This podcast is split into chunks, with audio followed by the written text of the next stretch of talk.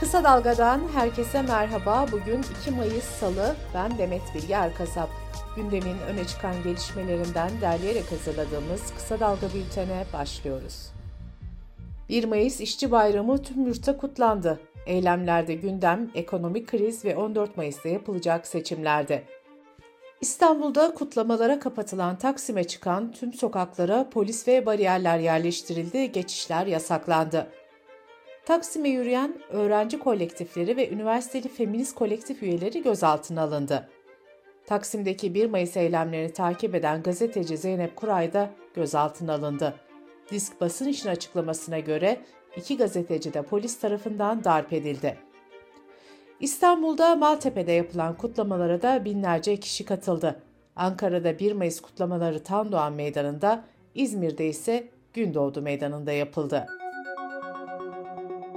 14 Mayıs seçimlerine 12 gün kaldı. Seçim takvimine göre 4 Mayıs'ta propaganda serbestliği ve 7 Mayıs'ta radyo ve televizyon propaganda konuşmaları başlayacak. Adaylar ve partilerin yoğun programı da devam ediyor. Cumhurbaşkanı Erdoğan Memur Sen Genel Kurulu'nda konuştu. Hükümet daha önce 7500 lira alan emeklilere refah payı verileceğini açıklamıştı. Cumhurbaşkanı Erdoğan ise 7500 liranın üzerinde emekli maaşı alanlar için seçim sonrasını işaret etti. Erdoğan, bu vatandaşlarımızı da sevindirecek haberi milletimizle paylaşacağız dedi. Millet İttifakı'nın Cumhurbaşkanı adayı ve CHP lideri Kemal Kılıçdaroğlu'yla Cumhurbaşkanı yardımcısı adayı Ekrem İmamoğlu ise Zonguldak'taydı. Şu dağların arkasında kara elmas var diyen Kılıçdaroğlu 5000 işçi alacaklarının sözünü verdi. Cumhur İttifakı adayı Erdoğan ve Millet İttifakı adayı Kılıçdaroğlu'nun İstanbul mitinglerinin tarihleri çakışmıştı. İki lider 7 Mayıs pazar günü İstanbul'da olacaktı. Ancak Kılıçdaroğlu'nun İstanbul mitingi 6 Mayıs cumartesi gününe alındı.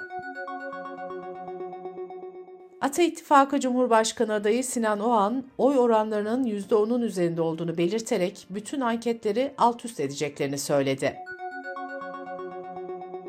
Antalya Muratpaşa 1. İlçe Seçim Kurulu CHP'nin itirazı üzerine Dışişleri Bakanı Mevlüt Çavuşoğlu'nun milletvekili adayı olarak kullandığı görselde Türk bayrağı yer aldığı için billboardlardan kaldırılmasına karar verdi.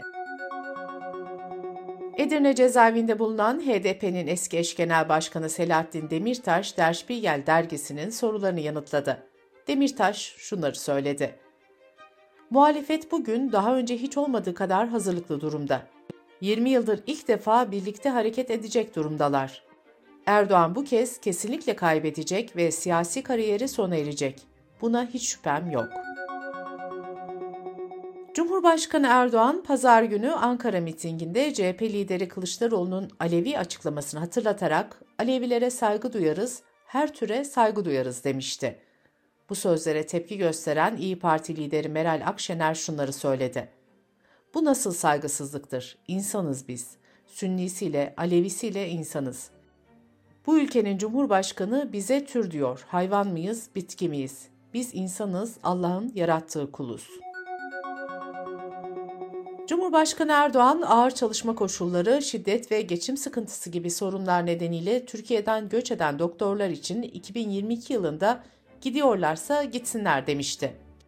Erdoğan bu kez hekimlere yuvanıza, ülkenize dönmeye davet ediyorum çağrısı yaptı.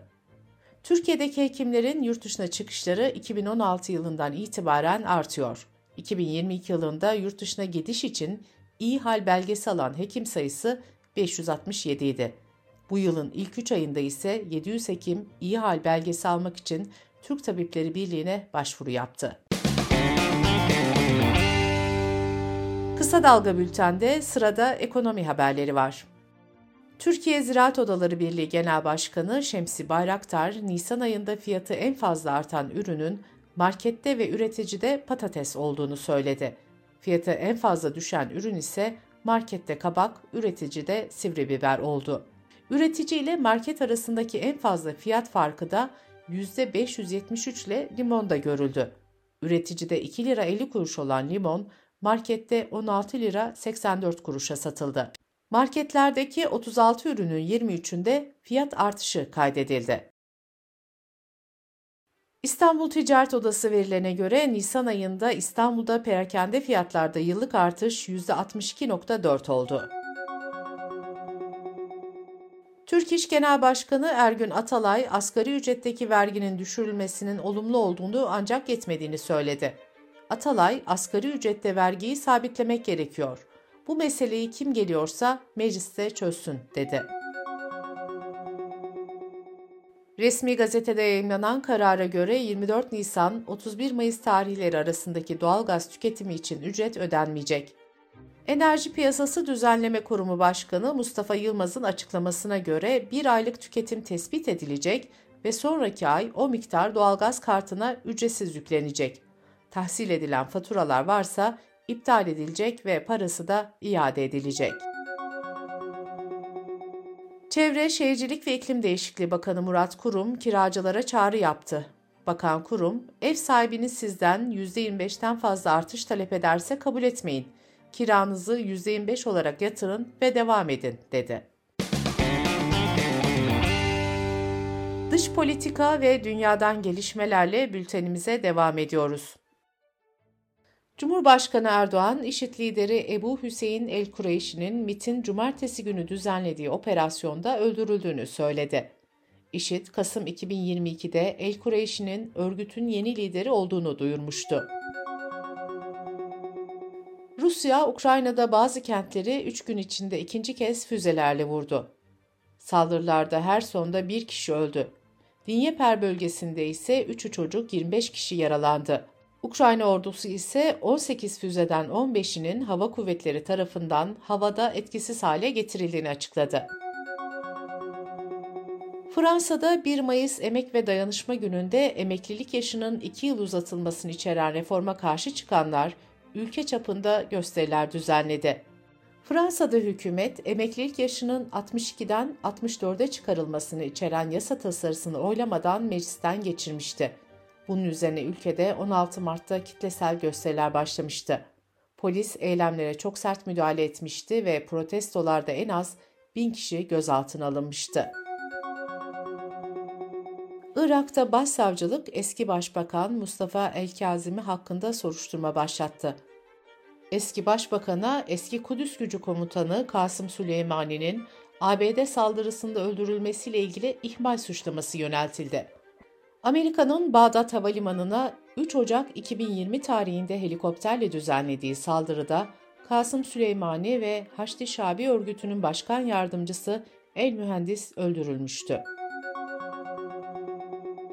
Sudan Sağlık Bakanlığı, ordu ile hızlı destek kuvvetleri arasında Nisan ortasından bu yana süren çatışmalarda hayatını kaybedenlerin sayısının 528'e yükseldiğini duyurdu. Çatışmalarda 4599 kişi de yaralandı. Bakanlıktan yapılan açıklamada çatışmalardan 12 eyaletin etkilendiği belirtildi. Sudan'ın eski başbakanı Abdullah Hamduk ise çatışmaların bir iç savaş noktasına gelmesi halinde ülkedeki durumun Suriye, Yemen ve Libya'dan daha kötü olabileceği uyarısında bulundu. Güney Amerika ülkesi Paraguay'da devlet başkanlığı seçimini iktidar partisi adayı eski ekonomi bakanı Pena kazandı. Pena %43 oy aldı. 14 muhalefet partisinin bir araya gelerek oluşturduğu Yeni Paraguay için ulusal diyaloğun adayı ise oyların %27'sini alabildi. Dünya genelinde çeşitli enstitü ve kurumlarda görev yapan 990 bilim insanı Dublin Deklarasyonu adlı bir çağrı yayınladı. Çağrıda vegan beslenmeye yönelik teşviklerin sona erdirilmesi istendi. Deklarasyonun imzacıları, hayvancılık sistemleri en yüksek bilimsel standartlar temelinde ilerlemeli. Bunlar toplum için basitleştirmenin veya fanatikliğin kurbanı olamayacak kadar değerli ifadelerini kullandı. İmzacılar son yıllarda insanları bitki bazlı beslenmeye teşvik eden yaygın bir toplumsal baskı olduğunu savunuyor. Bültenimizi kısa dalgadan bir öneriyle bitiriyoruz. Türkiye İşçi Partisi Ankara 3. Bölge Milletvekili adayı Avukat Ebru Beşe, kısa dalgadan Esra Tokat'ın konu oldu. Beşe, bu seçim kadınlar için hayat meselesi dedi. Esra Tokat'ın söyleşisini kısa dalga.net adresimizden ve podcast platformlarından dinleyebilirsiniz. Gözünüz kulağınız bizde olsun. Kısa Dalga Medya.